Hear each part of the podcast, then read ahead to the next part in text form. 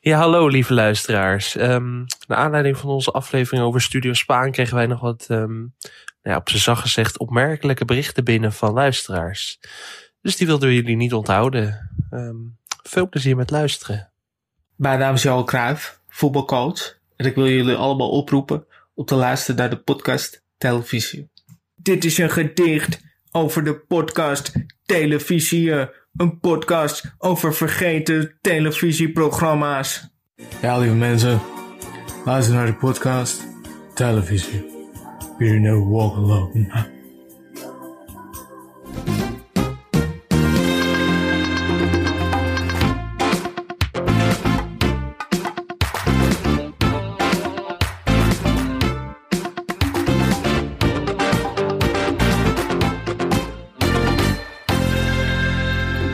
Welkom bij Televisie, de podcast waarin we praten over tv-programma's die al dan niet terecht in de vergetelheid zijn geraakt. Of over programma's die iedereen kent, maar niemand ooit gekeken heeft. Programma's die in onze jeugd een onuitwisbare indruk op ons hebben gemaakt en nog steeds bij veel mensen een nostalgisch gevoel oproepen. Hebben ze de tand destijds verstaan? Verdienen ze een nieuwe cultstatus? We onderzoeken het in televisie. Mijn naam is Michel Dodeman Tegenover mij via Skype zit half mens, half recensie, Alex Maasreel. Alex, hoe is het? Wat zei je nou? Half mens, half? Half recensie. Ja, dat klopt wel, ja. Nee, het, uh, het gaat wel... zo? het gaat wel goed. Nee, jij hebt het over recensies, maar... Um, ja, je krijgt nu die tijd met de eindejaarslijstjes en zo, weet je wel. Het beste van 2020. Dus uh, ik ben deze week vooral echt heel veel dingen aan het inhalen. Dus iets minder tv gezien, maar dat neemt niet weg dat je her en der nog wel wat absolute hoogtepuntjes meepakt van 2020. Ik bedoel... Uh... Ik, denk, uh, ik denk dat ik al weet waar je op doelt. Op de allerbeste reportage van 2020. Ja, nou ik durf zelfs al te zeggen de allerbeste reportage in meerdere jaren, denk ik wel. Ja. Ik denk uh, dat we er even een fragmentje in moeten gooien. Ik denk dat iedereen er wel weet waar het over gaat. En er lopen ook wel een beetje vreemde kippen tussen. Dat ik denk van, dat die familie is wel heel erg dicht bij elkaar gekomen. Beetje inteeltkippen? Een beetje inteeltkippen, ja. Wat beetje, ziet u dan? Een beetje, nou, met de kale nekkies of een... Uh, ja, ze zien er wel eens vreemd uit. Ze lopen vreemd en... Uh... Ja, en er wordt nu natuurlijk niets aan gedaan dat ze eigenlijk van niemand zijn. Maar niet iedere ondernemer heeft last van die kippen. Zelf geen last daarvan. Zo gewoon erbij. Uh, als uh, koekeloekoek doen en zo is uh, leuk om te horen. Ze zeggen ook wel het is gevaarlijk voor het verkeer. Tot nu toe heb ik geen één kip uh, iets gevaarlijks zien doen. Ja, ze horen hier gewoon niet thuis. Ze verdienen veel meer dan dit. De kippen verhuizen naar Akka's Ganzenparadijs in Drenthe. Klinkt veelbelovend. Je gaat ze nooit allemaal vangen. Ben je hier over tien jaar weer? Ik ga ze altijd allemaal vangen, 100%. Uh, geen, geen twijfel mogelijk. Tot de laatste de vangen we allemaal. En als hier nieuwe kippen zitten, 100% zijn ze gedumpt. Ah, geen probleem, koop ik twee en dan over drie maanden zijn ze weer 50. Kost maar 5 euro een kippetje. Ja, dit is dus een uh, reportage van, uh, van uh, RTV Rijnmond. ja, de situatie. Er, er zijn een hoop kippen daar in ergens in Rotterdam. Bij de Kuip, ja. Bij de Kuip, ja. En ja, die, die moeten weggehaald worden. En je hebt duidelijk meerdere kampen. Je hebt de mensen die vinden dat ze weg moeten. Je hebt de mensen die willen dat ze blijven. En je hebt de mensen die heel zeker zijn dat ze al die kippen gaan vangen. oh, wanneer, waar was jij toen je dit voor het eerst zag? Wat ging er door je heen? ik was... nou, ik, ik moet zeggen, de eerste keer dat ik het zag, vond ik het al heel grappig. Maar toen waren er nog een paar dingen die me niet eens waren opgevallen. Zoals uh, die man die zegt, ja, ik heb nog nooit... Wat zei hij nou? Ik heb nog nooit zo'n kip iets gevaarlijks zien doen. Nee, ik heb het, tot uh, nu toe nog niet één kip iets gevaarlijks zien doen. Tot nu toe. Die tot nu toe was echt wel cruciaal. de, de showstopper is natuurlijk uh, Hamza. Zo. Die, uh, die aan het einde zegt uh, dat hij gewoon wel weer wat nieuwe kippetjes haalt. Ja. Kost maar 5 euro. maar ja, het is, het is sowieso wel echt een echt een genot. Echt dit soort, dit soort reportages zie je toch altijd alleen maar bij uh, of Rijnmond of uh, bij AT5 in Amsterdam. RTV Noord-Holland is ook een goede op dit punt vaak. Ja. ja. En daarmee toont ook wel ja, hoe belangrijk regionale journalistiek eigenlijk is. Anders hadden we dit soort dingen gewoon niet. Dit, ja, dat...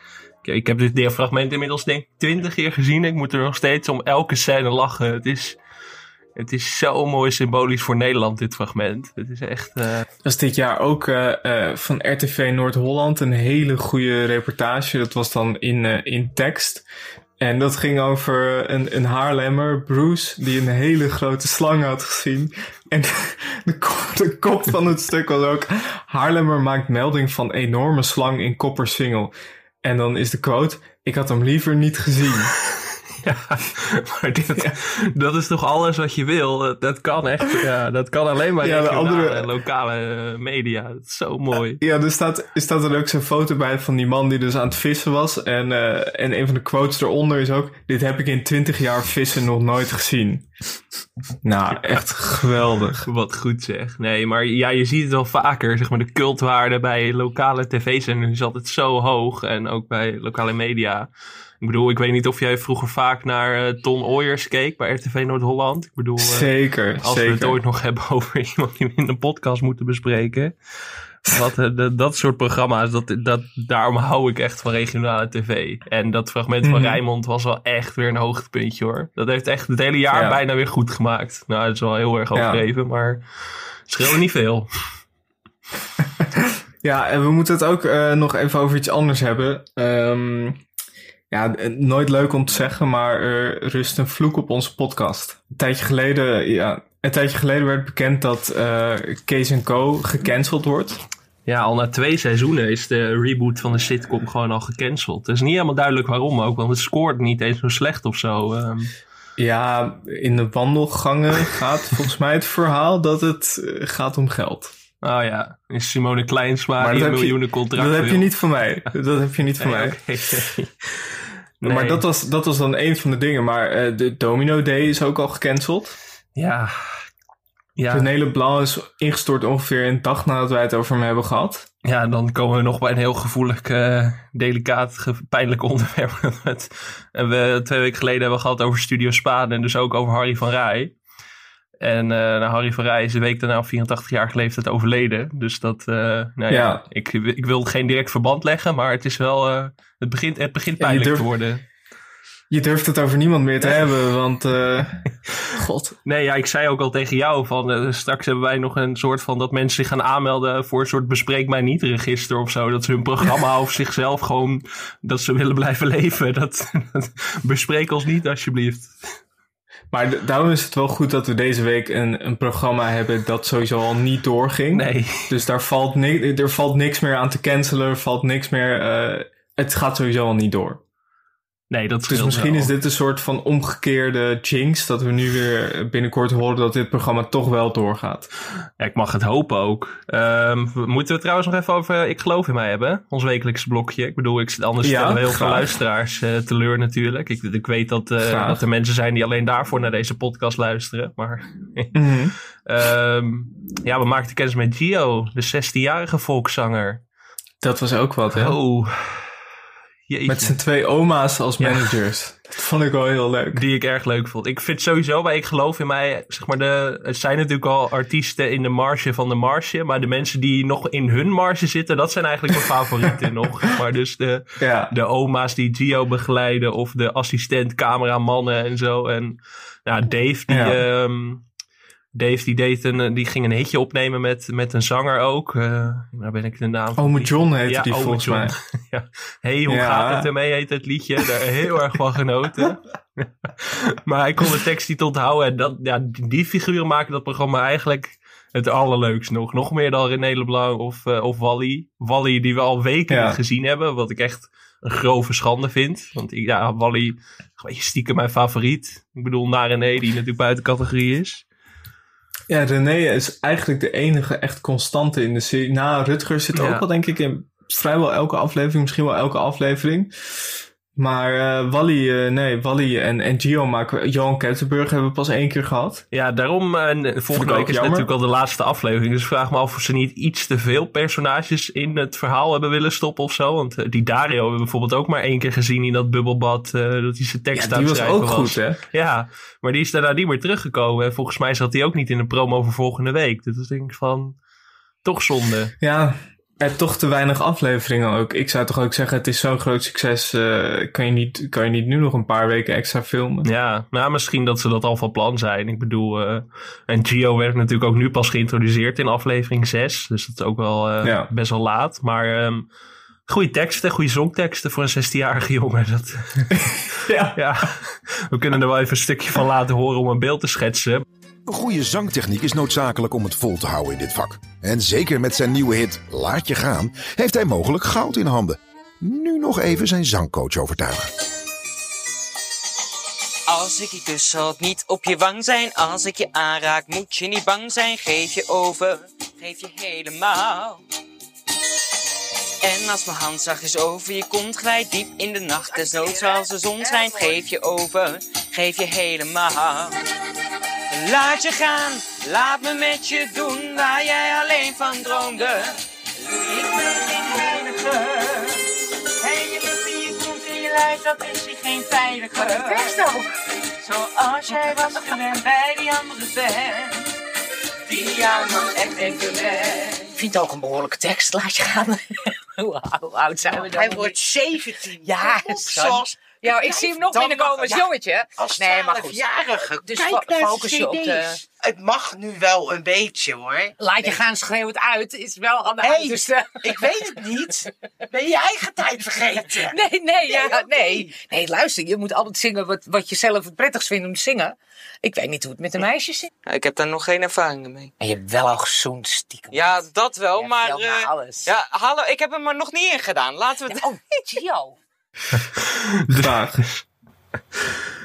Er zat ook in de aflevering, zegt, zegt die zangcoach op een gegeven moment tegen hem van... Nou, nou, nou, nou dit gaat, gaat wel een beetje ver hè, Gio? En dan, Gio, nou, ik heb heus al wel gezoend hoor met iemand, eh, maar ik heb hem er nog niet ingehangen. En dat ik dacht, oké. Nee.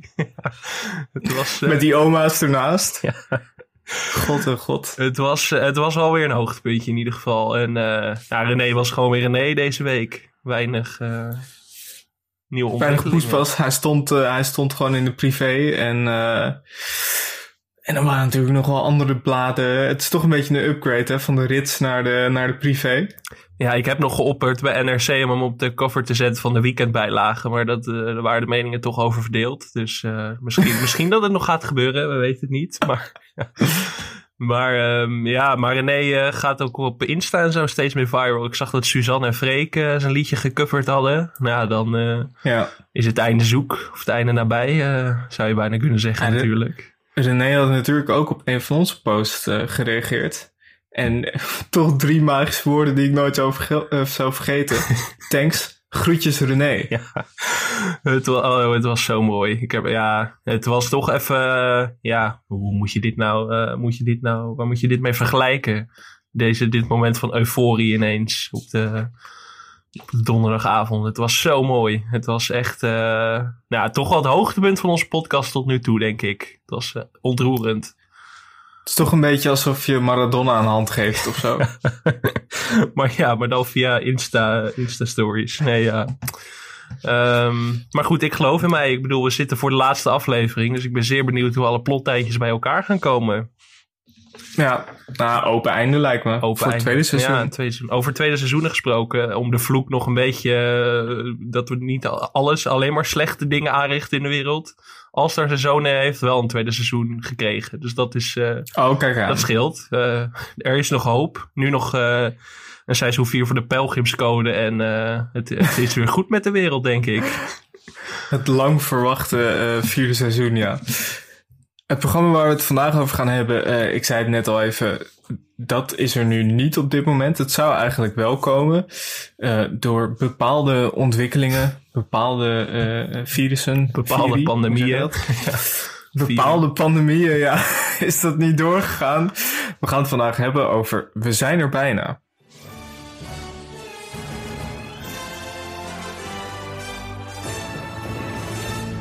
Dit is een fantastische plek. Ja, met uitzicht op zee. Wat wil je meer? Als een god in Frankrijk, nee, als een Hollander in Spanje.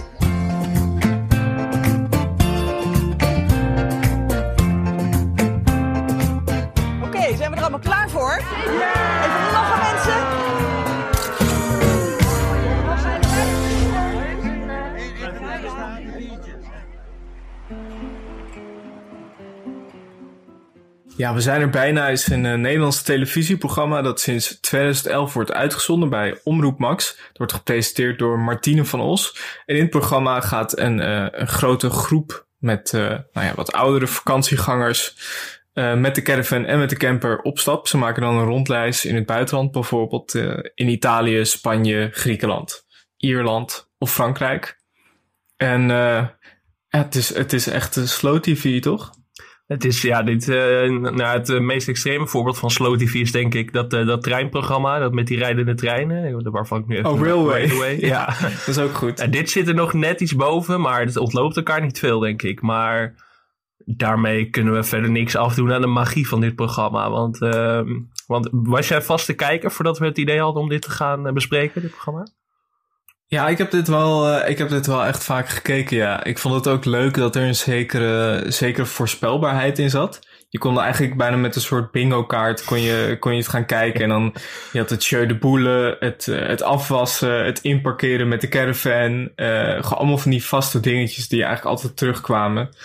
En het was, ja, het was of is gewoon een ontzettend, ja, rustgevend programma dat was het wel echt, hè? Want ja, ik, um, we hebben voor deze aflevering gekeken naar de eerste aflevering van het seizoen in Spanje en Portugal.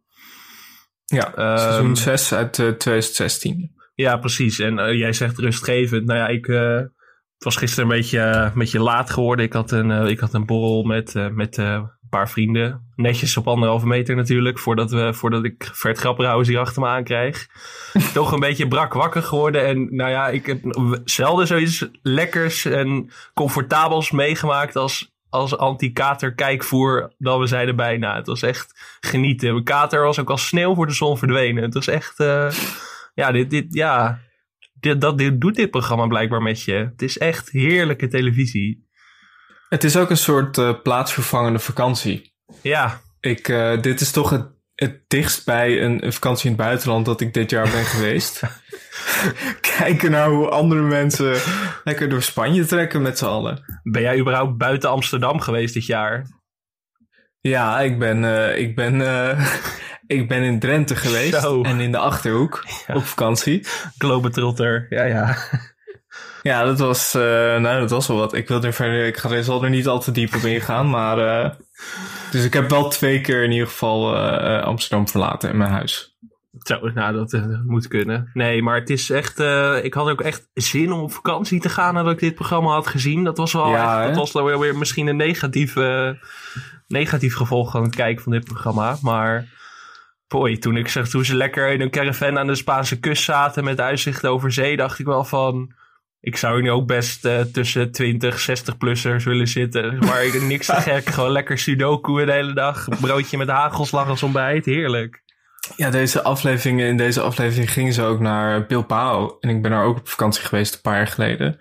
Superleuke stad. En ik dacht ook, oh, wat heerlijk. Vakantie. Het voelde gewoon helemaal dat je denkt, god, wat een, wat een luxe of zo. Echt als iets... Uh, als een andere tijd. Terwijl, zo lang was het nou ook weer niet geleden dat ik voor het laatst in het buitenland ben geweest. Nee hoor, het is ook wel wonderlijk hoe anders je dan naar zo'n programma zit te kijken. Want in het begin uh, geven nou ja, mensen ma maken kennis met elkaar natuurlijk. Dit is de eerste aflevering. En lekker Mhm. handen schudden, lekker dicht op elkaar. Je denkt of, oh god, jeetje, Ja, ja, ja. eh, pas nou op. Ik bedoel, driekwart van de mensen overleeft het niet als het zo doorgaat. Maar het is natuurlijk echt een andere tijd. En dat is ook wel weer lekker of zo. En het is daarom ook echt jammer dat, dat corona dit echt helemaal onmogelijk heeft gemaakt. Want je kunt dit nu niet doen. Ik zag wel dat ze plannen hadden om misschien een wintereditie te gaan doen. Maar goed, dat eh, lijkt me nog steeds Ja, dit- ambitieus. Dit is echt het anti-corona-programma. Want het is eigenlijk één grote risicogroep. Het zijn eh, allemaal gepensioneerde mensen die heel Europa doortrekken. Ik bedoel, je zou, je, ja, jij zei al, jij zei hierover, ze moeten de hele wereld ingeënt hebben voordat, ze, voordat dit mogelijk is. Want ja, je kan ook niet eh, twee weken in quarantaine zitten in zo'n caravan. Nee, nou dat zouden ze best overleven, denk ik trouwens, al die mensen. Want, eh, Misschien nog even goed eh, als achtergrond. Dit programma is, nou ja, losjes gebaseerd op een programma van Dirk Bolt. Die maakte voor de KRO in 2007 en 2008 respectievelijk gezellig naar de Krim en gezellig naar Marokko. En eh, ja, de, de, een van de makers of bedenkers, Claudine Everaert, als ik het goed uitspreek, die wil samen met Martien van Os een, eh, een milde variant van dit programma maken.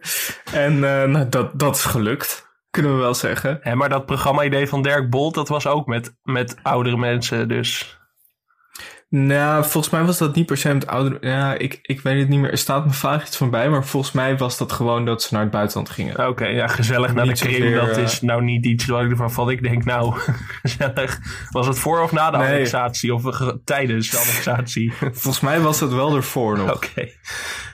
Eh, oh nee, het was inderdaad wel eh, eh, 21 stelletjes vanaf eh, 60 jaar of ouder die gevolgd wordt. Maar ja, die gingen dan echt, ja, die gingen dan echt kamperen. En dat was dan ook wel wat meer, eh, tenminste er staat hier ook werden zij gevolgd bij het plezier en de spanning tijdens de reis. Nou ja, eh, we zijn er bijna, heeft natuurlijk niet zoveel spanning. Dus misschien was dat Nou. het element dat ze weggehaald Ja. hebben. Nou, de spanning. Ik bedoel, in elke aflevering zit toch minstens één moment waarop de caravan moet ingeparkeerd worden. En eh, ik weet niet, ik zit toch elke keer weer op het puntje van mijn stoel hoor, als ik dat zie. Ik, eh, ik kijk dit programma ook al best wel trouw, echt meerdere jaren. Dat, dat klinkt misschien raar als, eh, als 25-jarige millennial, maar ja, er zijn echt weinig programma's ja. waar ik echt voor thuis blijf. En dit is echt zo'n programma wat ik ook lekker altijd lineair kijk. Maar om, om dit terug te gaan kijken is Mhm. misschien ook weer zo wat. Eh, maar dat is wel bijzonder wat dat programma met je doet, in die zin. Ja, je hebt eerder al gezegd dat je ook naar Toen was geluk heel gewoon eh, kijkt. Dus wat dat betreft is er denk ik geen verrassing voor de meeste luisteraars. Misschien, ik ben gewoon eigenlijk een 70-jarige witte boomer in het lichaam van een 25-jarige. Dat, eh, die conclusie kunnen we na 21 afleveringen wel trekken, denk ik. Maar In het lichaam van de 25-jarige jonge god kunnen we wel Nou, zeggen. zeker, zo voel ik me ook. Ik vond het, eh, ik- ik- wat ik zo grappig vind is dat er zijn heel veel die dingen, nou ik zei het net al van die bingo kaarten, er zijn zoveel dingen die steeds terugkomen. Je ziet sowieso de heet het digitale camera's aan koordjes. Vond ik heel fijn. Ja. Echt, eh, echt, echt zo'n vakantieding is dat. Weet je wel, dat je echt thuis je, thuis je digitale camera hebt opgeladen en dat je hem dan meeneemt en dan ergens halverwege raakt die op en je bent de oplader kwijt. Net voordat je bij het leukste deel van het museum of eh, je excursie komt, ja. Ja, precies. En, en ook veel mensen die eh, ja, puzzelen op de camping. Zeker. En, en proberen om in het Nederlands iets duidelijk te maken in Spanje. dus gewoon door eigenlijk heel hard Nederlands te praten. Wat zei die man nou over die benzine? Hij, hij, hij, eh, hij tank in voel of zo, zoiets. Ja, kun je, kun je veel tank? ja. ja, heerlijk. Maar kijk jij, hoe kijk jij naar dit programma? Kijk je er echt op een ironische manier naar of echt op een zorgeloze manier van, oh wat is dit leuke televisie? Nee, wel op een zorgeloze manier. Wel, het, hè? is, eh, het, is niet, het is niet ironisch of zo, omdat er, omdat er de deelnemers hebben ook gewoon zelfspot. Ja, ja dus als er iets fout gaat. eh, kijk, het is ook niet zo. Dat, dat zegt volgens mij, zei Martine van Os dat zelf ook. Dan, er zit niet echt een cynisch voi- voice-over of zo bij. Of de heet het van die, eh, van die muziekjes, alsof je een soort van eh, door de Efteling loopt of zo. Het is, eh, nee, die, de deelnemers hebben zelf gewoon zelfspot en kunnen zelf ook lachen om als er iets verkeerd gaat. Ja, precies. En wat je ook eh, natuurlijk, ja, wat je, we hadden het vorige week met Julian ook over, zeg maar dat als een programma als ik geloof mij bij de NPO was gemaakt, was dat ook veel tragischer waarschijnlijk geweest, omdat SBS natuurlijk snel in die montage is bij dat programma en eh, er wordt natuurlijk rijkelijk gemonteerd en dat is bij dit programma ook niet echt zo of zo. Er wordt niet Nee. op een lullige manier geknipt of, ge, of geëdit in het programma. En dat zie je er ook wel heel erg aan af. Dat, eh, dat lomen, dat, eh, dat kneuterige, dat is daardoor ook echt, echt authentiek of zo. Je gaat daar ook echt in mee als kijker, denk ik. Ja, ja dat eh Martine van Os zei zelf. We dragen het pluk de dag gevoel uit. Er is een wereld van dood en verderf, van pessimisme, van snelheid en harde geluiden. Wij laten een andere wereld zien. Dat staat aan, daar hebben mensen behoefte aan. En het dat- is gewoon echt even een uurtje of drie kwartier. Gewoon even, even rust. En ik denk dat dat ook wel een reden is waarom het zo populair is onder jongeren ook. Want ik, la- ik las volgens mij dat een derde van de gemiddeld 1,8 miljoen kijkers of zo jonger dan 35 jaar is. Wat wel Ja. vrij bijzonder is natuurlijk voor een tv-programma van Omroep Max. Om, eh, Mhm. Met alle respect. Maar Ja, daar schuilt toch wel de kracht van dit programma. Want ik merk bij mezelf ook. Ik ben van nature een tikje cynisch. Maar dat, dat laat ik geheel varen bij dit programma. Dan is dat gewoon weg. Maar als ik dan mensen met zo'n kleine reisset Monopoly zie, mono, spelen... Dan, eh, ja, dan kan ik daar oprecht gewoon echt, echt van genieten. Dat, dat vind ik ook wel dat ik denk... Ja, dat, dat kan nog blijkbaar gewoon echt authentiek genieten zonder knipoog of zo. Ja, het, het doet gewoon heel erg ja, eh, echt een dooddoener. Maar het, het, is gewoon vakantie of zo. En op vakantie, nou ja, op vakantie moet je soms natuurlijk ook wel lachen om dingen die verkeerd gaan. Of om de Nederlanders om je heen. Maar het is niet zozeer dat je op vakantie, tenminste ik niet, heel cynisch bent of zo voor alles. Nee. En er zitten ook gewoon veel van die, van die lekkere vakantiewijsheden in. Zoals uh, een man zei, als je hola kan zeggen, kom je al een heel eind. ja. Nou ja, dat is ook zo. Niks tegen in te brengen. ik heb een jaar Spaans gestudeerd, maar eigenlijk is gewoon dat ene woord, uh, ja, daar, daar kom je ook een heel eind mee. Maar spreek jij vloeiend Spaans inmiddels of, uh, of uh, de basis? No, no, no. No, no, no. nee, ik heb, ik heb een jaar Spaans gestudeerd aan de, aan de UvA. Maar toen ik begon, kon ik echt, echt helemaal niks. Toen kon ik echt, echt nog geen woord Spaans. En blijkbaar was dat niet helemaal de bedoeling, want de meeste mensen konden wel al Spaans. Dus bij mij, ik kan het echt de basis. Terwijl de rest uh, vergevorderd was aan het einde van het jaar. Maar met wat voor mensen studeerde jij daar dan? Ja, mensen die. Uh, nou, wel, wel mensen redelijk van mijn leeftijd, maar wel mensen die echt van plan waren om iets te gaan doen met Spaans. En ik dacht meer, nou ja, handig voor op vakantie. Ja, uh, dat je verder ik verstaanbaar kan maken. nee, maar ben jij vaak op de camping geweest vroeger? Ben jij, was jij een kampeerder? Was jouw familie dat? Nee, Nee, helemaal niet. Ik, uh, ik heb één keer gekampeerd en dat was met, uh, met, met school, zeg maar op schoolreis. Oh ja. derde klas naar de Ardennen. En toen, uh, ja, nee, was, was echt niet, was niet helemaal mijn ding. Ook de tweede nacht waren opeens alle haringen eruit en lag opeens dat tentzeil op mijn hoofd. nou ja, de, toen was ik er wel klaar mee. Als je gewoon daar om drie uur s'nachts in de regen in de Ardennen haringen in de grond staat te mappen. Nee, was niet mijn ding. Het zijn weinig treurige dingen inderdaad. Nee, ja, echt elke ervaring die ik met campings of kamperen heb... is uiteindelijk uitgelopen op een ramp. Dat, uh, ik ging volgens mij toen ik een jaar of twaalf was... had mijn vader een tweedehands camper gekocht. dat, dat moest je sowieso niet doen. Dat was al fout nummer één. Want mijn vader mm -hmm. heeft wel vaker de, de neiging om tweedehands dingen te kopen... die dan of net nog wel of net niet meer werken. De camper zat een beetje daartussen... Maar we gingen toen drie weken toeren door Frankrijk. En ook langs de Tour de France en zo, wat op zich best wel leuk is. Um, maar ja, het is toch met de camper en op zo'n camping. En het, is, ja, het, is, het, moet toch je ding zijn, denk ik. En de camper hield het vol uh, tot de laatste dag. Echt 20 kilometer van huis stopte die ermee. Dus toen stonden we, toen stonden we stil. en we zijn met die camper ook nog wel eens naar een camping in de buurt van Zwolle geweest. Zo. En ik kan me nog herinneren dat we toen vastliepen in de modder op die camping. En dat we eruit moesten getrokken worden door een, door een trekker of tractor. Wat is het? en ja, dan voel je, dan, zeg maar, ook al ben je nog jong en heb je niet zoveel verstand van de wereld, dan voel je, je toch klein hoor. Dan, dan voel je toch de grond onder je voeten wel wegzakken.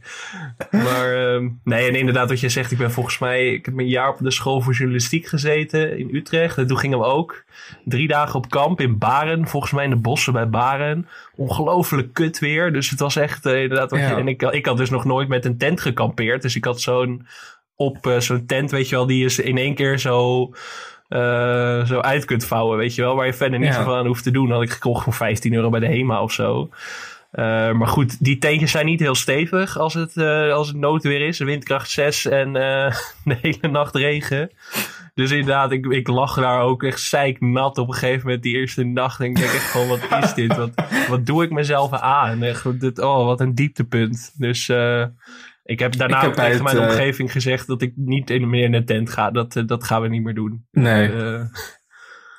Ik heb bij het, bij, bij die ene keer kamperen ook bijna iemand eigenlijk een knock-out ge gekregen. Uit woede dat is een heel raar verhaal. Dat, dat vind ik nee, per ongeluk. Nee, oké. Okay. per ongeluk. Nee, nou dat was heel gek, want we moesten een soort ja, speurtochtachtig iets doen. En we moesten van een helling naar beneden. En het was echt zo'n boshelling. Mhm. En een jongen zei tegen mij, een jongen uit mijn klas zei... Kijk, je moet gewoon gaan zitten op je billen en dan glij je gewoon naar beneden. Dus hij deed het voor en ik ging er achteraan. En op een gegeven moment eh, zag ik hem gewoon liggen daar. En ik weet niet, hij lag daar. Maar in mijn val, zeg maar, of eigenlijk in mijn glij...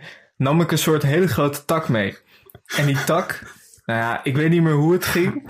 Maar op een gegeven moment dook ik omhoog, zeg maar over hem heen. En die tak kwam vol in zijn hoofd aan. Hij had een enorme bult. En ik dacht echt van, eh, ik dacht, eh, gaat dit goed? Leeft hij nog? nou ja, hij kwam, hij kwam uiteindelijk wel weer bij. En eh, hij zag de bult en hij schrok ervan. Hij heeft inmiddels blijvende hersenschade opgelopen of dat valt wel mee?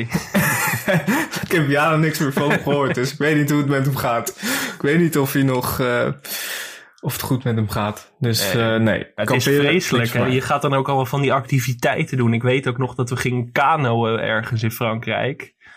Nou ja, eh, ja, mensen die weten hoe ik eruit zie. Ik ben best wel lang en ik ben best wel breed. Dus niet per se eh, heel erg handig in de kleine ruimte, om het zo te zeggen.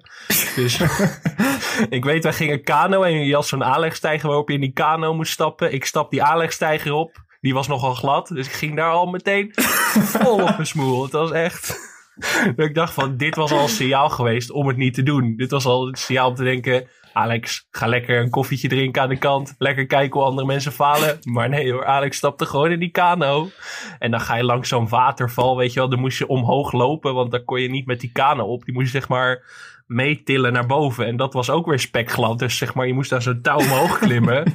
Dat ging ook niet goed. Ik ben echt volgens mij acht keer naar beneden gelazerd. Totdat iemand me mee naar boven moest tillen. Toen ging het wel. En uiteindelijk ging je met de kano, zeg maar, de grande finale was dat je van zo'n waterval afging met een kano. Maar ik was al uit de kano voordat de waterval begon. Dus die ging ik zwemmend naar beneden, wat ook een hele leuke ervaring was. Niet per se heel veilig, maar ja, ik leef nog steeds. Maar dat, maar dat totaalpakket aan rampzalige scenario's draagt er wel bij dat je mij niet snel op een camping of dat soort dingen terugziet. Voor jou was het gewoon eigenlijk een soort, eh, soort wipeout of Takeshi's Castle. Ja, als mensen dat gefilmd hadden, dan was het misschien viral gegaan. Maar dat. eh, nee, maar geef mij dan maar liever gewoon lekker Monopoly of een Sudoku om op te lossen. Er komt toch die boomer in mij weer naar boven, die ik dus blijkbaar ook op 12-jarige leeftijd al was. Maar. Ja, maar dit is, dit is toch ook eigenlijk, dit is wel het kamperen dat je wilt. Ja, ja nee, Lekker in je, in je luxe camper en lekker 's ochtends gewoon een eitje erbij en rustig een beetje opstarten en dan, eh, ja prima. Ja, heerlijk. S'avonds inderdaad een beetje puzzelen en een beetje, ik weet niet wat, borrel, drink- borreltjes drinken of zo. Ja. Advocaatjes drinken. Zo mooi dat ze dan helemaal van die pakken wijn met van die tuitjes eraan, zeg maar. Waar je gewoon eh Ja, ja, het ja. uit kunt tappen. Dat is ook heel lekker. Eh, dat, is wel- dat is wel echt een mooi ideaalbeeld. Dus op zo'n camping zou je me misschien wel terugzien over 40 jaar. Of gewoon over 15 jaar. Ik bedoel, eh, ik sluit niks uit. Maar, hey, god. Ja, wat een lekker programma eigenlijk, hè? Echt, eh, Ja, en ik vind, ik vind de rol van, eh, van Martine van Os ook wel, eh, wel, wel opvallend. Het, Frank Heijnen schreef in de Volkskrant, die noemde haar de, de Jan Wouters van We zijn er bijna. Niet, niet te beroerd om het vuile werk op te knappen, zodat de deelnemers hun stralende senioren zelf kunnen zijn. Dat vond ik inderdaad een hele goede beschrijving, want zij heeft niet per se, je zou verwachten dat zij misschien een soort van de ster van de show is. mhm. Maar eigenlijk is zij inderdaad van. Ja, zij loopt een beetje rond. eh, zij, zij vraagt heel veel. Ze vertelt zelf eigenlijk niet zoveel. Ze maakt af en toe een beetje een, eh, nou niet cynisch, maar een beetje een prikkelende opmerking of zo. Waar de deelnemers dan altijd heel vrolijk op reageren. Dus het is inderdaad wel een goede eh, observatie dat zij eigenlijk het vuile werk opknapt. Ja, en ook nooit zeg maar het middelpunt. Zij, zeg maar, haar rol is verder niet Nee, van precies. belang. En het gaat echt om die verhalen van die mensen. Die weten ze toch al knap te ontfutselen altijd. Zeg Maar in de eerste aflevering Mhm. ook al een man die zeg maar Martien van ons komt aanlopen. En die man begint al bijna te huilen of zo. 48 vakantiegangers met jarenlange kampeerervaring. Dus, zonder veel woorden staat alles in een mum van tijd op zijn plek. Nou, diner voor twee. Wie doet ons wat? Niks meer aan doen. Moet je nog veel doen of ben je nu eh, Nee, ik ben eh, klaar. uitgepakt? Ja, Oké, goed zo. Wat doen we met de doos? die doe ik weer terug. En dan blijft hij netjes. Ik heb geleerd van mevrouw om altijd te zijn. Dus Heel goed. En dan moet je koesteren. Ja, zeker. Ja. Voor het eerst alleen, hè? Ja. Och, meteen tranen? Oh, nou.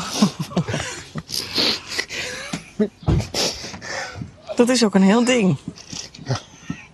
Dat geloof ik best. Maar dat, want, Ja. ja, dat krijg je dan. Kan ik ook niks doen. Nee. Ik verontschuldig me ook niet hoor. Nee, tuurlijk niet. Nee, nee. Ik vind het wel heel dapper dat je dit... eh, Het zou niet goed zijn als het anders was. 47 jaar getrouwd, dus... Dat vond ik wel een mooie scène in die zin. Want zijn vrouw was overleden en zo. En ze waren volgens Ja. mij 47 jaar samen. En dat, dat soort scènes Mhm. maken dit programma ook nog net wat meer dan zorgeloze slow tv of zo. Het, het is ook wel gewoon een beetje ontroerend in die zin. Het is niet zo dat ik zat te, sne- te snotteren. Maar het eh, scheelt ook niet veel. Maar, eh, maar dat inderdaad, die rol van Martine van Os is wel echt, eh, echt goed. Maar ik zou dit, dit zou mij ook echt wel een droombaan lijken hoor, in die zin. Het lijkt me Ja. echt heerlijk om zo'n programma te maken. Ik denk dat, eh, mocht zij hier ooit mee stoppen, dan denk ik echt dat, dat de presentatoren echt staan te trappelen om dit te doen. Dat de twee mensen achter een televisiepodcast eh, ook staan te trappelen om dit, eh, om dit te gaan presenteren. Wat een leuk experiment zeker. zijn. Nee, maar dit is toch heerlijk? Ik bedoel, ik las ook dat zij niet per se op de camping zelf slapen. Meestal in het dichtstbijzijnste dorpshotel of zo bij zo'n camping. Dat je ook denkt van, je kunt je wel lekker terugtrekken s'avonds. Je hoeft niet eh, Mhm. met al, die, eh, al, de, al de deelnemers eh, lekker s'avonds samen staan te douchen of de afwas te doen en zo. Maar je hebt nog wel een beetje privacy. Dus dat is echt een journalistieke droombaan zou ik het bijna wel willen noemen. Ja, oorspronkelijk was ook het idee dat ze eigenlijk eh, ook in een caravan of in een camper mee zou reizen. Maar daar hebben ze uiteindelijk toch vanaf gezien. Eh, denk ik ook wel een goede keuze, omdat het dan, dan zou het echt meer om haar gaan draaien. Ja, En nu precies. draait het echt, eh, draait echt om, de, om de deelnemers. Wat ik ook heel grappig vond, is dat veel van de deelnemers na het programma ook, of tijdens het programma, geïnterviewd werden in, in regionale kranten. Als een Mhm, soort van mhm. eh, mini-celebrities. Er was bijvoorbeeld een eh, artikel in het Dagblad van het Noorden. En, en de titel was: Bekijk vanavond de avonturen van Egbert en Janine uit Fort in de Balkan. En de Stentor schreef daarover: Egbert en Janine uit Fort zijn reizende sterren in We zijn er Ja, ja, ja. Reizende ster, mooi. Leuk gevonden ook. De deelnemers komen er eigenlijk altijd positief uit. Ja, dat is ook wel wat dit programma denk ik mooi maakt. En het is ook niet dat er mensen aan meedoen die, die staan te springen om een, eh, om een tv-carrière of zo. Ik las ook dat ze, dat ze, ze benaderen zeg maar groepsreizen die al georganiseerd zijn. Dus het is niet zo dat mensen zich kunnen opgeven om deel te nemen. En dat zie je er ook wel aan af, denk ik. Het is niet zo dat deze mensen staan te springen om een influencerscarrière nadat ze mee hebben gedaan. En eh, we zijn er bijna. Dat eh, zou ook raar zijn natuurlijk. Maar dat maakt dit wel echt een van de weinige nou, echte televisieprogramma's, om het zo te zeggen, denk ik. Mhm. Die laag van authenticiteit die er overheen zit, die is wel gewoon echt, zeg maar. En er zijn wel programma's die dat proberen te reproduceren, maar dat lukt vaak toch niet echt. Omdat daar toch al een zekere selectie aan vooraf gaat van wat voor mensen wil je in je programma. Terwijl, terwijl ja, hier zijn de mensen er al, zeg maar, die zijn niet uitgekozen. Dat scheelt ook wel, Ja. Denk ik. Ja, denk ik ook. Ja, en het is ook. Het is ook. ehm, nou, volgens mij zei, zei iemand eh, van de ANWB dat. Een van de organisatoren van de, de- nu inmiddels niet meer. Eh, maar die zei, de ANWB organiseerde dat eerst. En eh, die man zei: kennelijk houden mensen van respectvol gemaakte televisie zonder cynisme. Dit is een soort Big Brother, maar dan veel zachter en vriendelijker. Dat vond ik een hele goede beschrijving. Want inderdaad, eigenlijk alles wordt wel. Nou, niet alles, maar veel wordt wel gefilmd. Maar allemaal eigenlijk op een hele fijne manier. Zonder dat mensen zijn zich ook echt bewust van dat er camera's zijn. Maar zonder dat ze zich daarna gaan gedragen. Nee, ze gaan niet raar doen voor de camera of. Ze doen geen, gaan Nee. geen trucjes doen. Ik heb wel het idee dat die mensen echt oprecht zijn. En dat is ook wel een verschil met heel veel programma's die we eerder besproken hebben in de podcast natuurlijk. Waar het heel erg draait om het grote, het groteske en het uitvergroten van alles en zo. Dat is hier gewoon niet.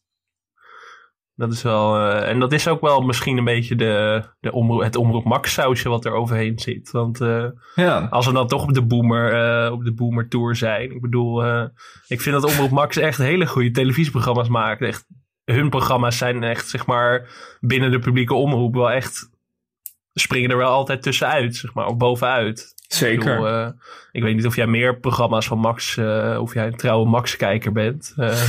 Nou, ik zie eh, heel Pakt, zie ik wel eens voorbij komen. Ik ben geen trouw kijker, maar ik vind het altijd best wel leuk. Ik vond eh, het geheime dagboek van Hendrik Groen ook heel goed gemaakt. Zeker, ja. Eh, ik, vind, ik vind trouwens, ik, ik, heb, ik heb het niet zo op talkshows. Maar als we het dan toch over talkshows hebben, dan vind ik Tijd voor Max serieus altijd echt de gezelligste talkshow die er is. Ja, precies. En daar, daar, dat daar ook nog gewoon een leuk gesprek aan gevoerd kan worden. Dat niet al van tevoren of zo al helemaal is afgekaderd of zo. Wat je in andere talkshows Ja, misschien precies. vaker ziet. Ja. Zeg dat ik tijd voor Max niet dagelijks kijk. Maar eh, ook gewoon natuurlijk een goed duo. Siebrand en, eh, en Martine van Os dus. Eh, Ja, ik denk toch wel, mocht Martine hiermee stoppen, is er natuurlijk eigenlijk maar één één iemand die dat over kan nemen, dat is Siebrand. ja. Mr. Max. Ja, en als dan toch, dan kan Diederik Ebbingen meteen doorschuiven naar Droomhuis gezocht. We weten natuurlijk dat dat zijn grote droom is. Dus dat twee vliegen in één klap eh, lijkt me. Maar ik zag Dat er nu een goed, invaller hoor. was voor Siebrand. gezocht. eh, die was afwezig met Droomhuis gezocht. En dat Carrie ten Apel de, de honneurs waarnam voor Siebrand. Dus eh, Oké, ja, die doet, ze doet wel vaak, Carrie zie ik, altijd doet ze een beetje van die reportages, maar Ja. dan neemt ze dus ook echt de Siebrand-rol over. maar ik ben ook wel echt fan van Carrie. Ik vind Carrie ook een grote speler. Met, eh, Ja, ik vind iedereen bij Max Ja. eigenlijk wel goed en sympathiek. Ik eh, weet niet waar ze op scouten en eh, hoe ze die mensen allemaal vinden, maar dat, dat doet Jan Slachter erg goed. Ja, sowieso Jan Slachter. Wel- Wat een fenomeen eigenlijk. Hè? Maar ook bijvoorbeeld heel Holland Bak. Zeker in het begin met Martine Bijl. Dat, dat keek ik wel echt trouw. Dat ik echt fan was van Martine Bijl. Maar die was perfect zeg maar, in die rol neergezet. Omdat ze ook, ook gewoon paar plaagstootjes, maar nooit te cynisch. Zeg maar. Dat hebben al die Max mensen wel een beetje van... Er zit wel Ja. een soort van rafelrandje aan, maar nooit dat het te too much wordt of zo. Of te showy of zo. Dat, eh, dat doen ze wel echt goed. Dat vind ik wel knap. En, ook En het wordt, het wordt ook beloond met eh, goede kijkcijfers. Want Ja. dit programma, we zijn er bijna. Dat werd in.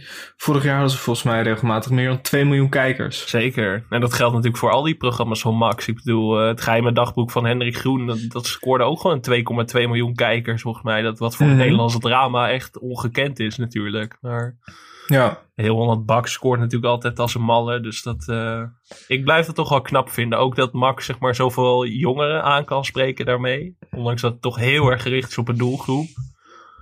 Maar dat Ja. ze daarbuiten ook echt nog, eh, echt nog mensen kunnen, kunnen bekoren. Dat vind ik echt knap. Dat is echt eh, zonder knipoog.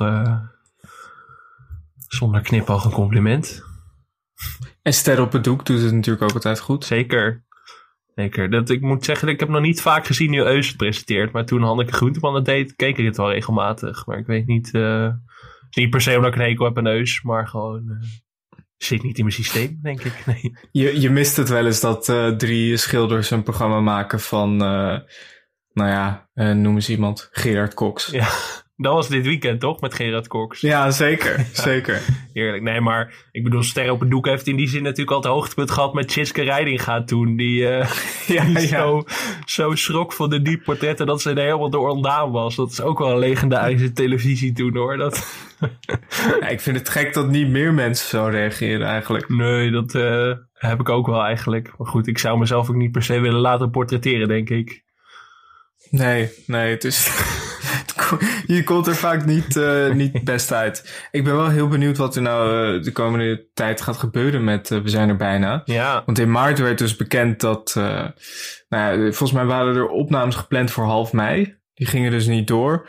Toen in maart zei Jan Slachter nog: ja, we moeten het even gaan bekijken. En misschien dat we in september kunnen opnemen. In november kunnen uitzenden. Toen zei Ome COVID: ho, ho, ho, Jan Slachter. Tweede golf. Zo snel gaat dat niet. Tweede golf. Maar ja, dit is, we hadden het er al even over. Ja, dit is echt het anti-corona-programma. Eh, wanneer kan dit ooit weer plaatsvinden? Ja, daar ben ik dus oprecht wel bang voor. Want ik merkte ook toen ik dit zat terug te kijken van...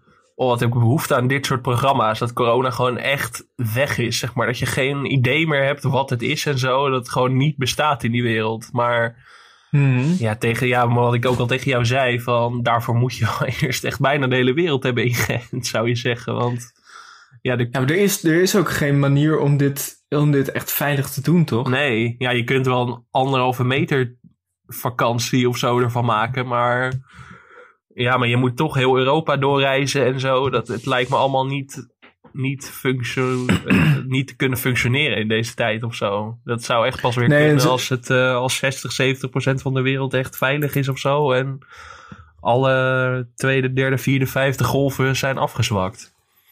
Ja, maar dat, je, je, ze doen natuurlijk ook excursies. En dat wil je ook zien in het programma. Ja. Je, kan, eh, ze willen, je wil ze zien in een kerk. Je wil ze zien op een markt. Je wil ze zien op een plein. Dat een is, juist- dat is ook de, ja, dat, dat is ook de magie ervan. Ja, als het alleen maar is, eh, ja, eh, nu gaan Ton en Nelly gaan nu op afspraak het museum binnen. Daarna volgt een half uur later volgt een al- volgende groep. Ja, dat werkt natuurlijk niet. Nee. Nee, dat, dat, ja, je kunt ze ook niet alleen maar la- sudoku's laten oplossen. Ik bedoel, dat gaat misschien toch een keer vervelen. Ik bedoel, ik heb ook wel die momenten nodig, zoals die vrouw in het museum die allemaal schilderijen van Picasso staat te bekijken en zegt, doet mij niks. Ik, eh, ik, ik heb er echt niks mee. Ik snap het ook gewoon niet. En dan wordt die van ons zegt, ja, maar zegt Picasso? Ja, mij niet bellen. Ik bedoel, eh, dat doet me allemaal niks. dat heb je toch nodig voor het programma, denk ik. Dus, ehm, Ja, Martien van Os had het ook nog over. eh, misschien is het wel leuk om een keer een winterversie te maken. Maar ik vind het toch wel echt bij uitstek een zomerprogramma, toch? Ja, dat is wel echt zo. Want ze hebben ook edities in Ierland en Bosnië, omgeving Bosnië gedaan volgens mij. En daar, dan is het toch de hele Mhm. tijd een beetje bewolkt. En in Ierland was het volgens mij alleen maar aan het regenen. Dat, eh, dat was daar, daar- daardoor toch iets, een van mijn minder favoriete reeksen. Dat ik, toch, eh, Mhm. ik heb toch wel ook de zon en de zee eigenlijk nodig. Maar dat kan een persoonlijke Ja, precies. zijn. Ik ben ook wel een Nee, zonmens. vind ik ook. Ja. eh, vind ik ook ik vind het fijn om naar mensen in de zon te kijken. Ja. Ik ben zelf ginger, dus ik kan er niet tegen. Maar daarom vind ik het extra leuk om te zien dat sommige mensen wel zonder zonnebrand kunnen overleven. Ja, die, al die bejaarden, die, sommigen die, die verbranden levend en die lopen met zo'n rode kop gewoon rond en niks aan de hand. Ook gewoon Ja, niet, niet, ja. niet zeuren, niet klagen. Terwijl als ik tien minuten zo in de zon zou zitten, dan, eh, dan loop ik drie weken te klagen dat ik eh derde gaas brandwond heb opgelopen waarschijnlijk. Maar die, nee, die bejaarden zijn niet bang. Dat vind ik ook mooi aan dit programma. Dat is toch eh, concluderend, denk ik wel, een echte kracht. Gewoon, ja, mensen op leeftijd die zich niet willen profileren, die gewoon lekker op vakantie willen gaan. De, het boeit allemaal niks. Eh, verbranding, camera's, maakt allemaal niks uit. Gewoon lekker op vakantie gaan en eh, heel Nederland mee laten kijken. Ja, ik hoop dat we het snel weer terugkrijgen. Dat we een soort eh, omgekeerde vloek met dit programma nu, nu teweeg brengen. Alles wat gecanceld is, dat er toch een soort van... dat heel de wereld in het voorjaar gevaccineerd is. En dat we gewoon hiernaar kunnen kijken. Volgend jaar, eind volgend jaar of zo. Op groot scherm. Op groot scherm, ja. Nou ja, die belofte kunnen we alvast wel doen. eh, als het ooit weer kan. Dat we samen met alle luisteraars zijn er bijna gaan kijken. Een live event. In eh, 2023 waarschijnlijk. Maar dat... eh, nee, misschien moeten we dat gewoon maar doen. Zeg, ehm, moeten wij de Steve Kuipers Award nog uitreiken? Het zijn, eh, het zijn matige weekjes voor de Steve Kuipers Awards. Hè? Ik bedoel, Het is echt, karig. eh, het is karig. Vorige week zijn we het ook gewoon ja, vergeten. Ja. Maar ja, toen was er eigenlijk ook maar één iemand die in aanmerking kwam en eigenlijk ook weer niet, want dat was John Williams. Ja. Ja, nu zou je eigenlijk ook alleen maar Martien van Os, maar ja, eigenlijk ook niet echt. Nee, nee het, is, eh, het is karig. Ik, eh, ik kreeg ook alweer bezorgde, bezorgde reacties van luisteraars van... We missen Steve in de podcast, dus daar moeten we misschien toch eh, over na gaan denken volgende week. Ja. Dat we een hele speciale Ja. Steve Kuipers Award moeten gaan uitreiken. Moet prioriteit worden, dat lijkt me belangrijk. Want eh, ja, dit kan niet lang zo doorgaan natuurlijk. En misschien moeten we ook maar eh, ja, de programma's laten afhangen van de Steve. Kuipers Award. Moeilijk. Ja, moeilijk. desnoods, Ja, nee, ik, ehm, desnoods moeten we het een keer aan Steve zelf vragen. Hoe Steve er zelf tegenaan kijkt. Wie volgens Ja. Steve Kuipers de ideale Steve Kuipers is. Ik bedoel... eh, is er misschien nog een oeuvre award die we wel uitreiken. Misschien moeten we dat maar doen in de weken dat er... eh, ik wil wel een oeuvre award uitreiken aan eh eh, Juda Goslinga. Ja, ja, Goslinga. ja. Ja, zeker. Ja. Ja, niemand die een idee heeft Die, wie dat eh, is waarschijnlijk. Maar als je hem ziet, dan weet je het waarschijnlijk wel. Omdat hij eh, in Clem en Undercover, het tweede seizoen van Undercover, het derde seizoen van Clem, bijna letterlijk hetzelfde personage speelt. Dus een Amsterdams eh, hulpje van een topcrimineel. dat, Ja, echt Amsterdamse penose. Henk Swaap in eh, Undercover en nou ja, gewoon de vriend van Marius in Klem. En ja, maar echt perfect. Ook gewoon qua uitstraling, qua accent. Alles is gewoon Ik vind, en het- ik ben er dus vorige week pas achter gekomen hoe die heet. Terwijl ik die man al zo vaak heb gezien in zoveel dingen. En ik vind hem altijd goed. Ja, hij zit ook echt in veel dingen inderdaad. En altijd een beetje een shady, eh, shady crimineel. Ja, hij, is, hij heeft ook een Ja. keer een agent gespeeld in een serie volgens mij. Noord-Zuid of zo heette die serie. Oh ja, ja. Ja, daar staat nog heel wat. iets van bij. Maar daar komen we misschien nog wel een keer op terug. Maar dat vind ik een mooie, mooie aanmoedigingsprijs. Ja, Gewoon, eh, Oeuvre Oeuvre Award voor eh, al zijn werk door de jaren heen. Jij zei op Twitter al dat hij wel een spin-off verdient. Dus daar, dat kan ik alleen maar beamen eigenlijk. Eh, gewoon, misschien dat, is, dat zijn personage uit Clem en Undercover dan gewoon gecombineerd kunnen worden. Dat, eh, Ja, misschien is dat wel gewoon ook hetzelfde personage. ja, Misschien is dat gewoon één universum. het Nederlandse misdaadserie-universum of zo. Dat je ook ineens... Ja, eh, want je, je- je hebt een paar echt van die goede. Je zou dus bijvoorbeeld eh, hem kunnen. Dan met die Nick uit Undercover. ja, ja, ook een echte ge- Dat die dan, eh. Ja, misschien zouden die een soort misdaadduo kunnen vormen. Ja, die zit al wat in. Nou ja, Undercover gaat als een malle nog steeds op Netflix volgens mij. Dat is echt niet normaal Mhm. populair. Dus in die zin, eh, er komt natuurlijk al een film over eh, van het personage van Frank Lammerts volgend jaar uit. En Ja. het derde seizoen. Dus in die zin eh, nou, sluit ik niet uit dat Netflix meeluistert en er iets mee gaat doen. Ik hoop het. Laten we het hopen. Ja. Hey, moeten wij, nog moeten wij nog... eh? eh, ja, we hebben de grootste schande van deze week nog helemaal niet besproken. Ik weet niet dan? of jij weet waar ik op bedoel, maar eh, er is gesjoemeld met de verkiezingen. En ik heb het niet over Oh, de verkiezingsfraude. Maar, ja, de ehm, verkiezingsfraude. Ja. Poeh, Ja, ja, ja, ja, ja. promenade Ja, ik, is, gewoon, is gewoon rigged bij de televisiering. Ze zaten volgens de televisier niet boven de kijkcijferdrempel. Wat ik al... eh, dat is een van de 133 programma's eh, dat ze daar niet bij hoorden.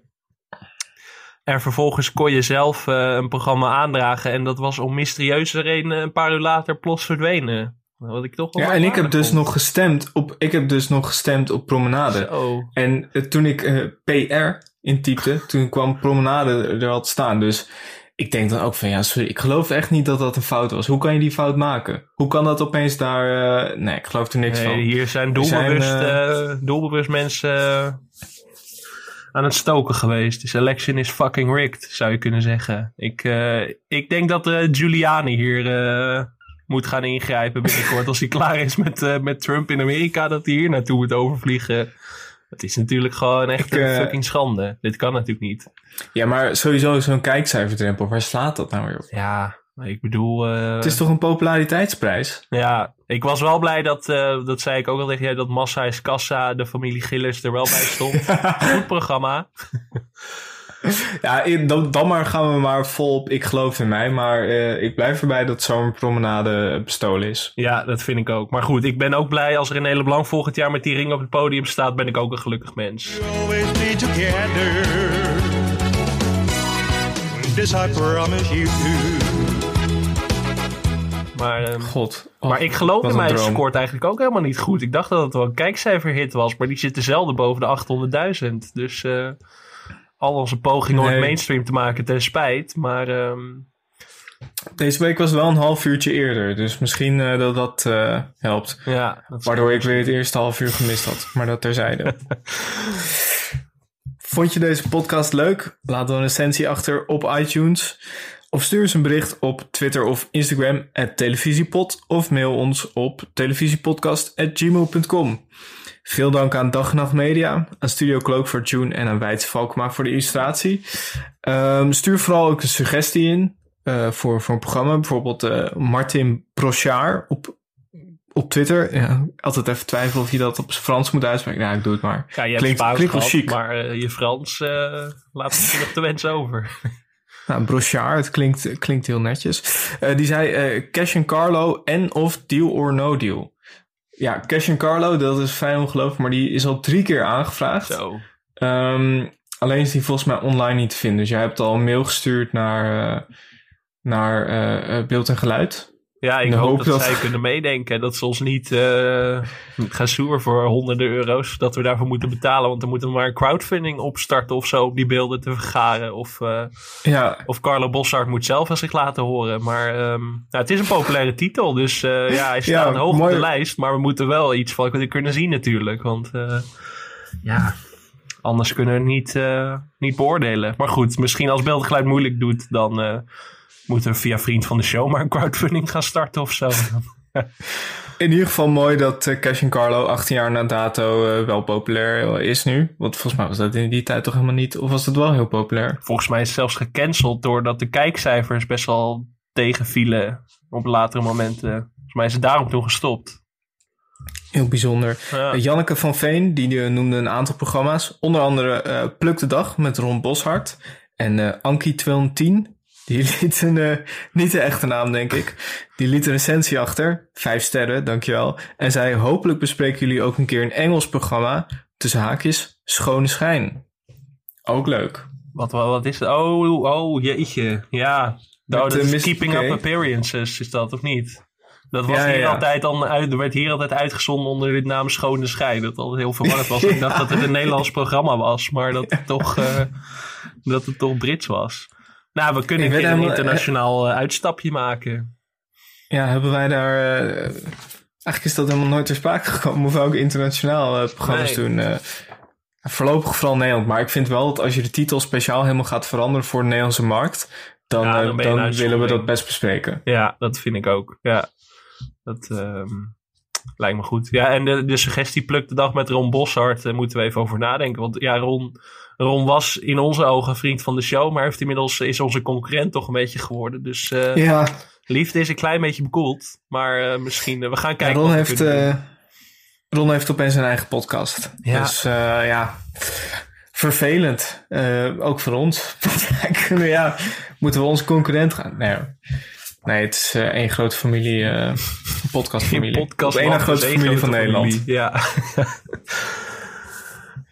Ja. Ik denk dat we er doorheen zijn. Ik denk het ook wel. Word vooral vriend van de show nog. eh, is gezellig, Oh ja. denk ik. Misschien moeten we daar eens op vragen. Als je ons echt heel eh, gezellig vindt, anders hoeft het niet. Maar eh is leuk, denk ik. Volgens mij hebben ze de pagina ook weer vernieuwd. Die komt deze week uit. Dus eh, heel benieuwd hoe dat gaat uitzien. Heel leuk. Word vriend van de show, anders stoppen we met opnemen. nee hoor. Nee hoor. Voor de mensen die meteen al, eh, ja, je weet het niet. Krijgen we weer boos dat meteen, Ja, ook leuk. Ja, nee. Dus, eh, nou ja, volg ons maar eerst. En als je dan ook nog vriend van de show wil worden, is dat heel sympathiek. Dan krijg Voor je nu? een speciale vermelding in de podcast. En dat is natuurlijk een Ja. voor jullie allemaal. Dan mag je te gast zijn in de podcast. Nou ja, straks, straks krijgen we ineens 100 vrienden en dan zitten we tot 2023 vast aan allemaal mensen in de show. Ik weet niet of we daar. Sorry, je- mag, je mag inbellen. Je mag Ja. inbellen in de podcast. We willen je stem eh, laten horen, in ieder geval. Zo zijn we dan ook alweer. Ja. Nou, voor nu eh, was dit dan. Tot volgende week. Tot volgende week.